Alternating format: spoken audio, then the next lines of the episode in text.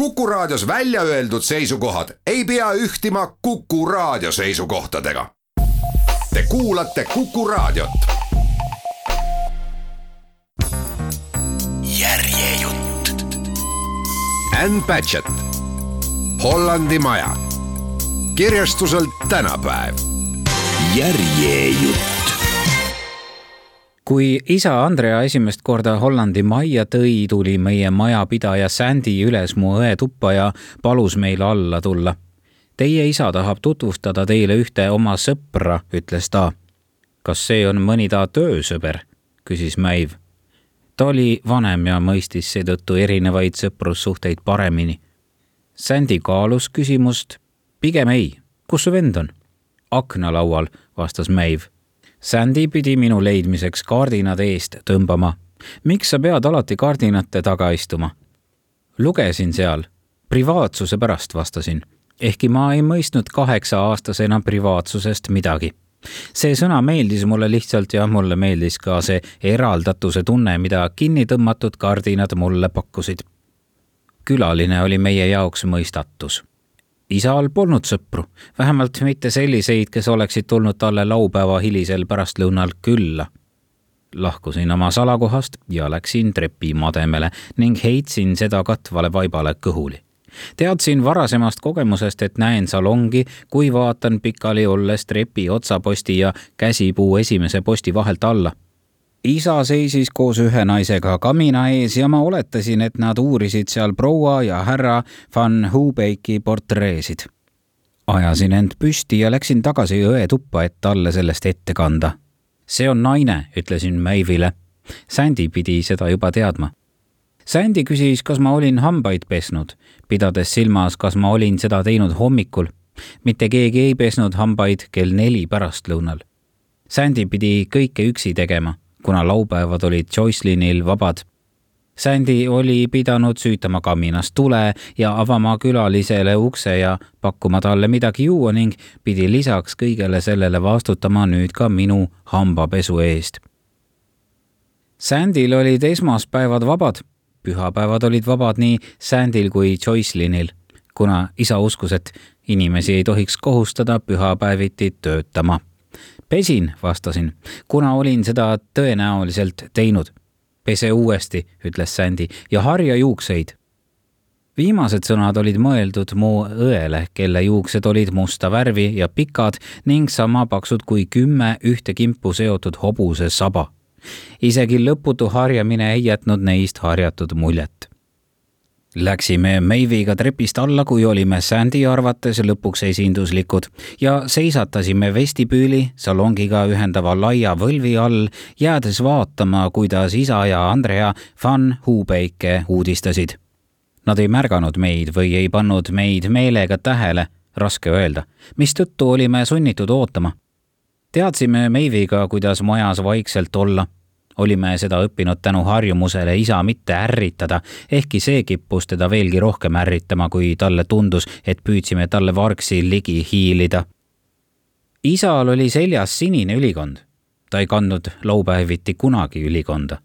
nägin esimest korda, et tema juuksed olid hakanud kuklas halliks tõmbuma. ta näis Andrea kõrval veelgi pikem kui tavaliselt. Nende siinolek pakub sulle kindlasti suurt tröösti, ütles Andrea isale mõeldes maale, mitte tema lapsi. härra ja proua Van Hubeiki, kellel puudusid minu teada eesnimed, oli kujutatud maalidel vanana, ehkki nad polnud veel päris raugaeas. Nad olid riietatud mõlemad musta ning nende jäik ja reserveeritud hoiak viitas möödunud aegadele.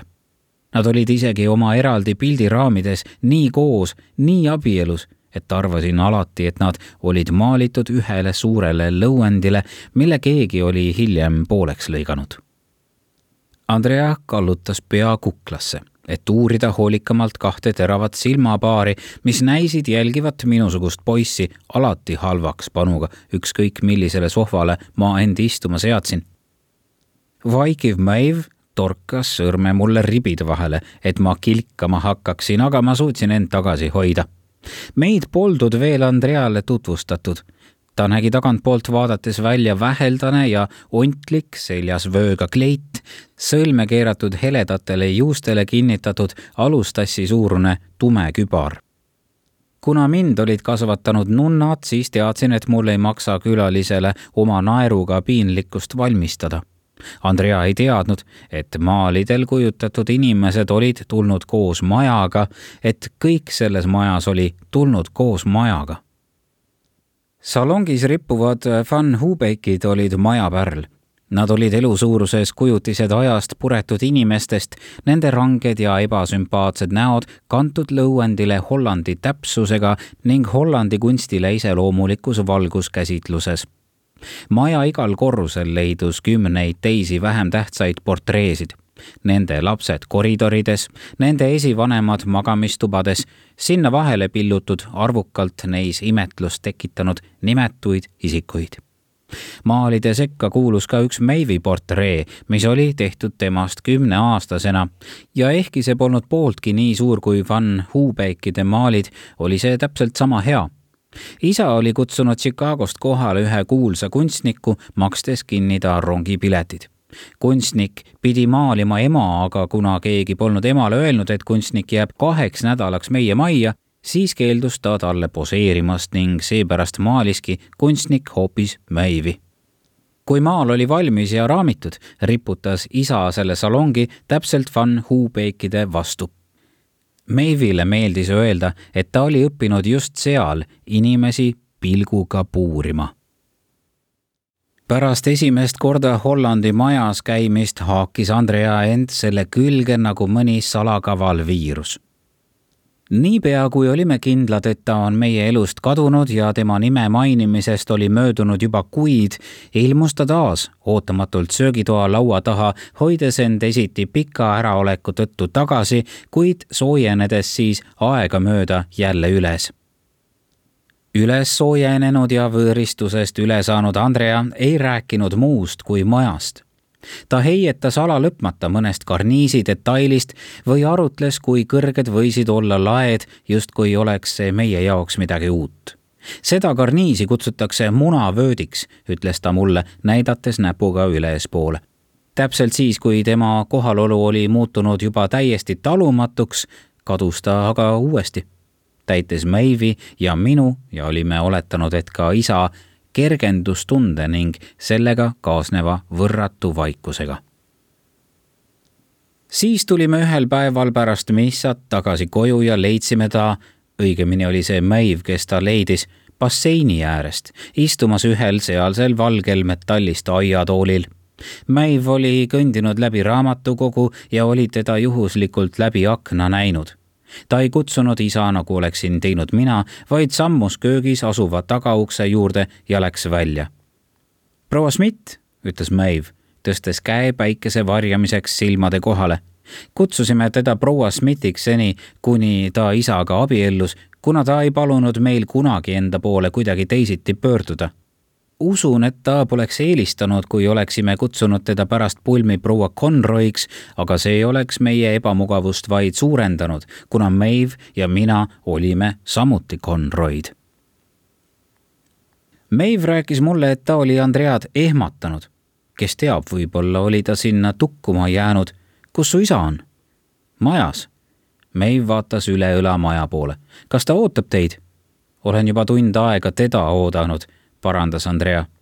kuna oli pühapäev, siis olid nii Sandy kui Joycelyn majast väljas, ehkki ma ei usu, et nad oleksid ta sisse lasknud, kui meid poleks kodus olnud. Sandy suhtus Andreasse suurema soojusega, Joycelyn oli umbusklikum. üldiselt ei meeldinud Andrea aga neile kummalegi ja nad oleksid jätnud ta tõenäoliselt meie koju tulekut õue ootama väljas oli veidi jahe, aga päev oli basseini ääres istumiseks küllaltki kena. päikesekiired sillerdamas sinisel veel, kiviplaatide vahel kasvamas sambla õrnad triibud. seejärel jäid nad teineteist põrnitsema, mõlemad otsustanud pilku mitte kõrvale pöörata. ma olen poolenisti hollandlane, tead, sõnas Andrea lõpuks. kuidas palun? ema poolt, ta oli puhast verd hollandlane. meie oleme iirlased vastas Maeve. Andrea noogutas, justkui oleks mingi lahkarvamus nüüd kindlalt tema kasuks lahenenud. kui sai selgeks, et vestlus oli lõppenud, läks Maeve sisse isale ütlema, et proua Schmidt ootas teda basseini ääres. kuhu kurat ta küll oma auto parkis rahvatas Maeve mulle, kui isa oli välja läinud. ta ei vandunud sel ajal peaaegu kunagi, eriti mitte pärast missalt tulekut. ta pargib alati maja ette. Meie uudishimu oli nii suur, et läksime ta autot otsima. kontrollisime kõigepealt üle maja teise külje ja siis garaaži taguse kuna kõige ilmsemad kohad polnud soovitud tulemust andnud, kõndisime mööda sissesõiduteed alla, peenike kruus pühapäevakingade all krigisemas ja sealt edasi tänavale. meil polnud aimugi, kus Andrea elas, aga teadsime kindlalt, et ta polnud me naaber, et ta polnud tulnud jala leidsime ta Kreemika Ford Impala lõpuks järgmisest tänavavahest, selle vasakpoolne eesmine poritiib lömmis Mäiv kükitas, et mõlki lähemalt uurida ja katsus isegi vildakalt rippuvat kaitserauda, imetledes imekombel terveks jäänud esituld. oli selge, et Andrea oli millelegi otsa sõitnud ja ei tahtnud, et me sellest teada saaksime. me ei rääkinud isale autost. Lõppude lõpuks ei rääkinud ka tema meile midagi ta ei rääkinud kunagi Andreast, kui naine kadunud oli, ega ka siis, kui ta taas välja ilmus. isa ei rääkinud, kas ta oli valinud naisele meie tuleviku suhtes välja mingisuguse rolli. kui Andrea välja ilmus, siis käitus isa nii, nagu oleks naine kogu aeg kohal olnud ja kui ta kadus, siis ei tahtnud me teda isale meelde tuletada, kuna kartsime, et isa kutsub ta siis tagasi arvan tegelikult, et isa ei olnud Andreast eriti huvitatud usun, et tal lihtsalt puudusid sobilikud vahendid naise visa peale käimise tõrjumiseks. minu arusaamist mööda seisnes isa strateegia lihtsalt selles, et ta ignoreeris naist, kuni ta minema läks. see ei lähe tal kunagi läbi, ütles Maeve mulle ainus asi, millest meie isa elus hoolis, oli töö. Majad, mida ta ehitas ja omas ja välja üüris. ta müüs neid haruharva eelistades selle asemel kasutada talle kuuluvaid kinnistuid tagatisena, mille toel kinnisvara juurde osta. kui ta pidi pangaga kokku saama, siis tuli panga esindaja tema juurde ja isa sundis teda end ootama isa pühendas selle väheldase tähelepanu, mis tal nädala lõpus töö tegemisest üle jäi, küll minule, kuid ta muutis isegi selle oma töö osaks ta võttis mu iga kuu esimesel laupäeval kaasa, kui läks oma Buickiga üüriraha koguma ning andis mulle pliiatsi ja arveraamatu, et kirjutaksin võlgnevuste kõrval asuvasse tulpa üles, kui palju üürnikud talle maksid. sain kiiresti selgeks, keda polnud kunagi kodus ja kes ootas meid juba uksel, ümbrik näpus. Ungari kohvik oli alati rahvast täis Fluffy oli tulnud varakult kohale ja oodanud, et saada meile aknaalune laud.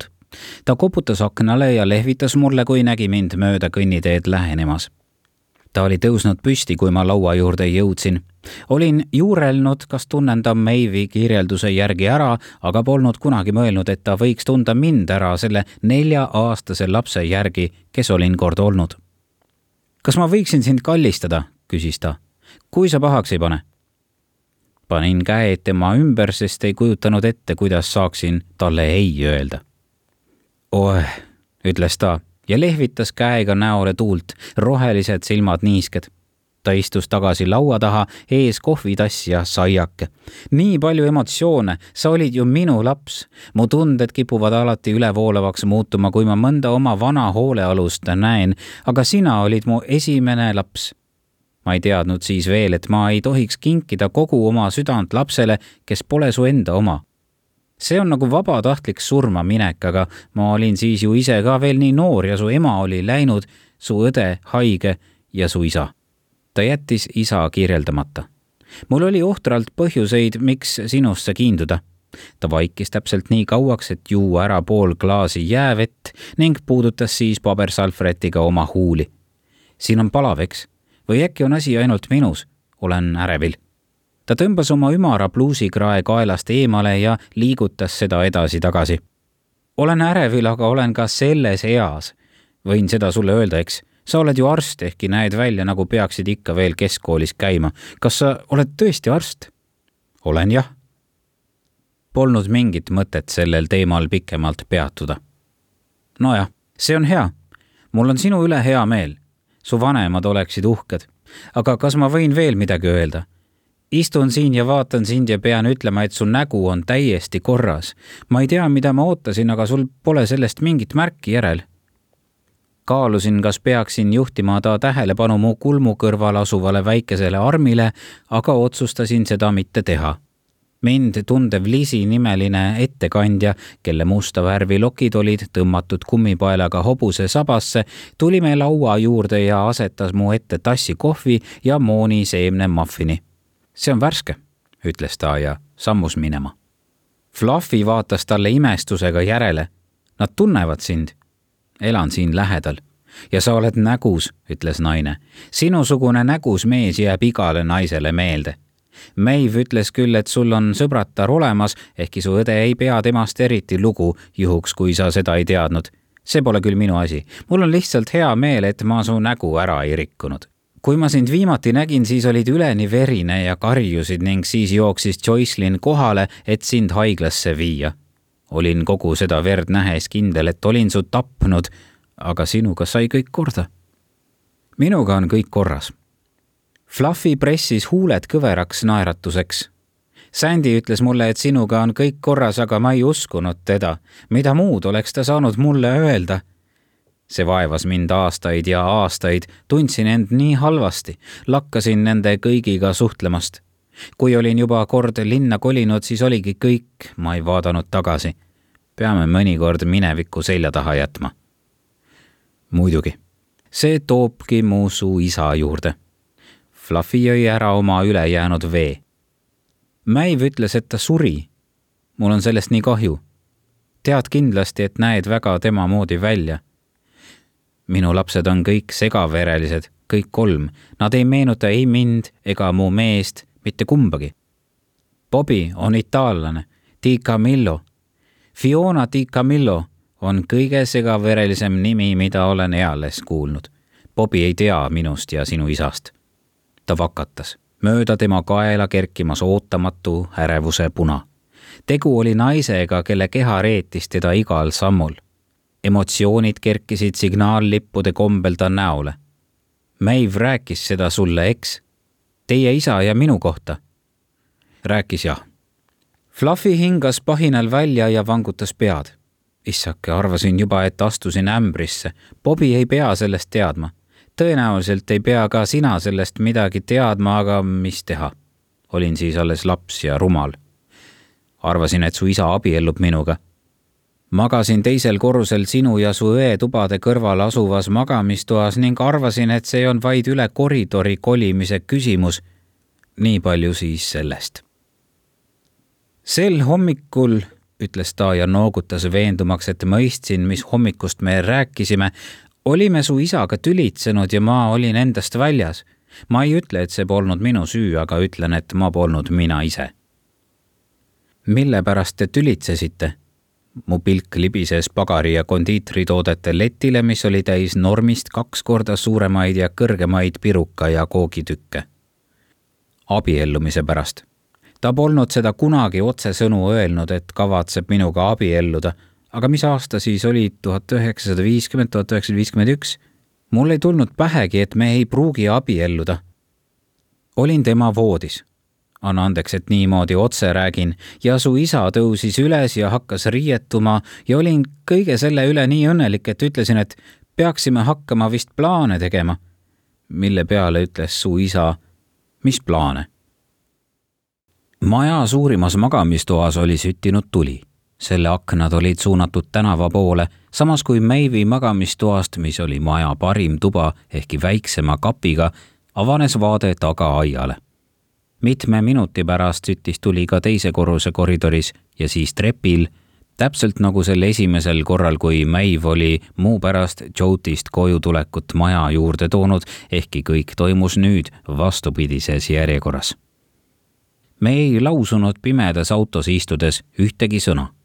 möödus viis minutit, kümme minutit siis kõndis üks heledas mantlis naine mööda sissesõiduteed alla. Ehkki oleksime võinud oletada, et see võis olla majapidaja või üks tüdrukutest, siis oli meile mõlemale isegi nii kaugelt selge, et tegu oli Andreaga. tema hobuse sabasse tõmmatud blondid juuksed olid kuuvalguses veelgi eredamad. ta oli surunud käed enda ümber, hoides mantlihõlmu tugevalt kinni, selle serva alt paistmas midagi roosat nägime susse, mis võisid olla saapad ta näis sammuvat otse meie poole. ta näeb meid. Meivi hääl oli madal ja ma võtsin ta randmest kinni juhuks, kui ta kavatses autost välja minna. Andrea jäi aga sissesõidutee lõpust mitme meetri kaugusel seisma ja pööras näo kuu poole, tõstes ühe käe kõrgemale, et mantli kaelus koomale tõmmata. ta polnud salli kaela pannud ta polnud osanud arvata, et varahommikune pimedus võib olla nii selge või kuu nii suur ja ta seisatas, et seda imetleda. Ta oli minust kakskümmend aastat vanem, vähemalt minu mäletamist mööda. ma olin nelikümmend kaks ja Meiv nelikümmend üheksa, peaaegu viiskümmend. Andrea astus meile veel mõned sammud lähemale ja Meiv pigistas mu kätt. võõras ema oli meile liiga lähedal, sama lähedal kui mõni teisel pool tänavat seisev inimene nägin selgelt, kuidas ta oli vananenud ja kuidas ta oli jäänud siiski iseendaks. ta silmi nina, lõuga. Temas polnud mitte midagi erakordset. ta oli naine, keda olin tundnud lapsepõlves, kuid kes oli nüüd minu jaoks võõras. naine, kes oli olnud mitu aastat abielus meie isaga. ta kummardus, võttis kruusalt kokku keeratud ajalehe, pistis selle kaenla alla ning pöördus kõrvale, seades sammud härmatisega kaetud maja esisele muruplatsile. kuhu ta läheb? sosistas Meiv sest paistis, nagu oleks Andrea teel krundi lõuna külge piirava heki poole. kuu valgus klammerdus ta heleda mantli ta heledate juuste külge, kuni ta jõudis puude taha ja kadus meie silmist. jäime ootama. Andrea ei ilmunud uuesti välisukse juurde. kas arvad, et ta läks tagumise ukse juurde? sellel pole ju mingit mõtet, väljas on nii külm ma polnud endale kuni selle hetkeni teadvustanud, et ma ei istunud kunagi roolis, kui me Hollandi maja juures käisime ja et rooli tagant avanev vaade oli pisut teistsugune. sõida, ütles Meiv. peatusime kohvikus, selle asemel, et otse raudteejaama Meivi autole järele minna ning lahkasime munade ja röstsaia seltsis, olime söönud sedasama õhtuks kaader kaadri haaval ajalehte toomas käinud Andrea Samme kas ta oli näinud midagi, mis oli jäänud meie pilgu eest varjule? kas tal olid olnud jalas sussid või saapad? Andrea polnud käinud kunagi ise ajalehte toomas. ta polnud kunagi öösärgis trepist alla tulnud. aga ehk oli ta seda siiski teinud, kui olime kõik veel maganud. ilmselgelt elas ta nüüd majas üksinda Norma ja Bright, keda olime pidanud alati nii nooreks, pidid olema nüüdseks juba kolmekümnendate eluaastate teises pooles kui kaua oli Andreas seal üksi olnud. lõpuks, kui olime kõik faktid ja oletused ammendanud, asetas Maeve oma kohvitassi alustassile. teen lõpparve, ütles ta. ettekandja möödus meie lauast ja ma ütlesin talle, et ta võib meile arve tuua. Maeve raputas pead, ta asetas käed lauale ja vaatas mulle üksisilmi otsa, täpselt nii, nagu isa oli tal seda alati teha käskinud. teen lõpparve Andreaga tõotan seda siin sulle. teen selle majaga lõpparve, ma ei lähe sinna enam tagasi. olgu, vastasin. kui Andrea hakkas auto poole kõndima, siis arvasin, et saan infarkti, tundsin rinnus tema nägemisest reaalset valu. kui mitu aastat tagasi ta meid välja viskas? kakskümmend seitse sellest piisab, eks, me ei pea seda rohkem tegema, me võime kuskile mujale minna, võime parkida auto botaanikaaia juurde ja seal puid vaadata harjumus on naljakas asi. võid arvata, et mõistad selle olemust, kuid selle haardes olles ei näe sa kunagi tõeliselt, milline see välja näeb. mõtlesin Celesti ja kõigi nende aastate peale, mil ta oli mulle rääkinud, kui hullumeelne see oli, et istusime koos Meiviga oma lapsepõlvekodu ees ja kuidas olin arvanud, et probleemiks oli Celesti võimetus kõike seda mõista. sa paistad olevat pettunud, ütles Meiv. kas tõesti? Nõjatusin vastu istme seljatuge. see pole pettumus. olime muutnud meid tabanud ebaõnne omamoodi fetišiks ning sellesse armunud. tundsin vastikust, et olime seda nii kaua jätkanud, mitte et olime otsustanud sellest lõpuks ometi loobuda. aga ma ei pidanud seda ütlema, kuna Maeve mõistis mind suurepäraselt. Mõtle vaid, kui ta oleks tulnud varem välja ajalehele järele, ütles ta, näiteks kakskümmend aastat tagasi, oleksime saanud oma elu tagasi mul oli ema, kes oli lahkunud, kui olin veel väike. ma ei tundnud temast puudust. tema asemel oli mul Maeve, kes oli seisnud oma mustade kiharatega trepi all, seljas punane mantel, tema ümber väikeste mustade ruutudega valge marmorpõrand ja selja taga kõrguvates laiades akendes sillerdavate vaaludena langev lumi, kui seinakella laev oma lainetes tasaselt aega möötis. Danny kutsus ta mind. hommikusöök, liiguta end. ta käis talve hommikuti majas mantliga ringi, kuna seal oli nii külm.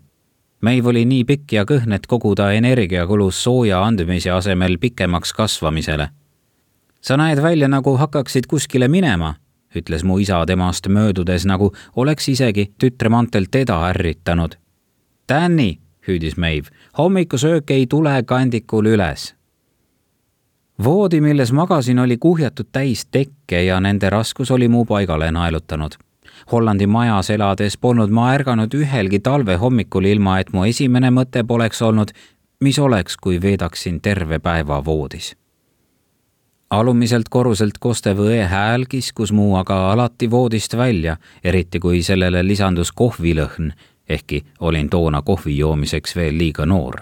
see paneb sul kasvu kinni, ütles Joycelyn kas sa ei taha siis kasvada sama pikaks kui su õde? Leidsin põrandalt oma sussid ja voodijalutsist villase hommikumantli. koperdasin külmast kangena edasi trepimademele. seal meie prints ongi, hüüatas Maeve, nägu keeratud üles valguse poole. tule alla, meil on pannkoogid, ära sunni mind sind ootama mu lapsepõlve rõõm ei lõppenud sel päeval, kui lahkus mu ema, vaid hoopis siis, kui lahkus Meiv. sel aastal, kui meie isa ja Andrea abiellusid. Kus oli meie ema kogu selle aja olnud? see ei huvitanud mind.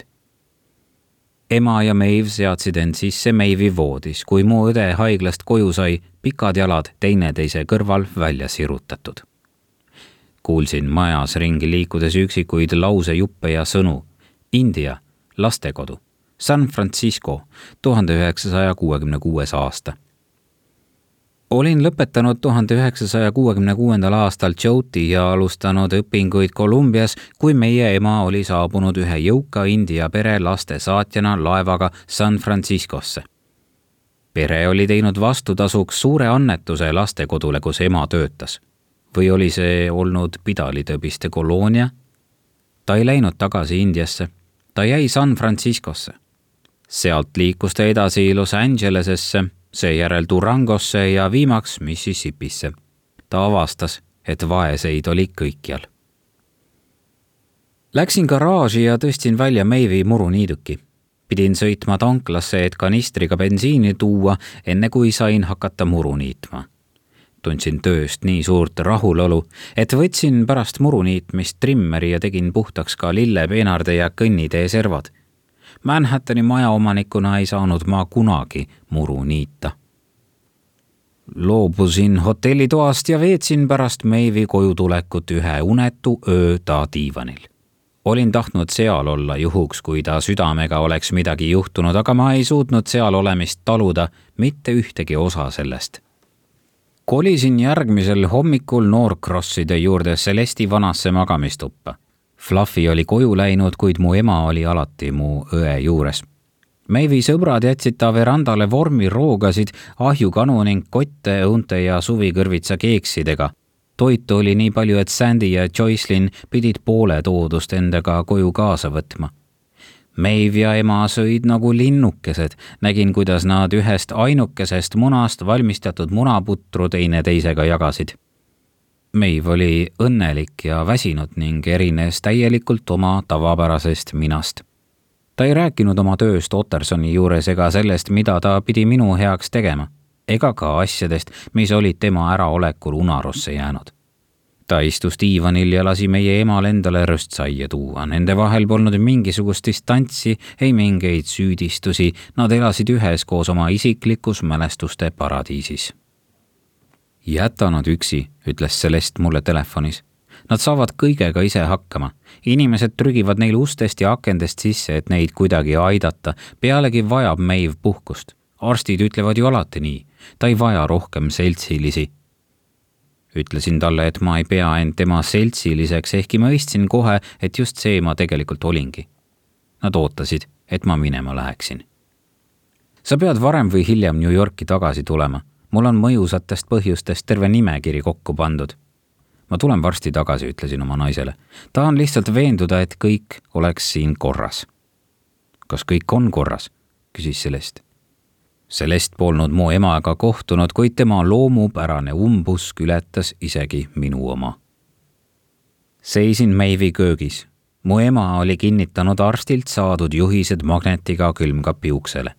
Ta oli seadnud plastist ravimitopsid kuivainete purkide ette korralikult ritta ja kirjutanud üles, mis kell pidi Meiv ühte või teist tabletti võtma ta piiras hoolikalt külaliste hulka ja hakkas neile vihjeid tegema, kui nende külastusaeg lõpule lähenes.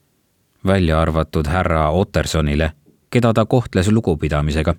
härra Otterson ei jäänud kunagi liiga kauaks ja kui ilm oli ilus, siis jalutas ta koos Meiviga tänava lõppu ja tagasi.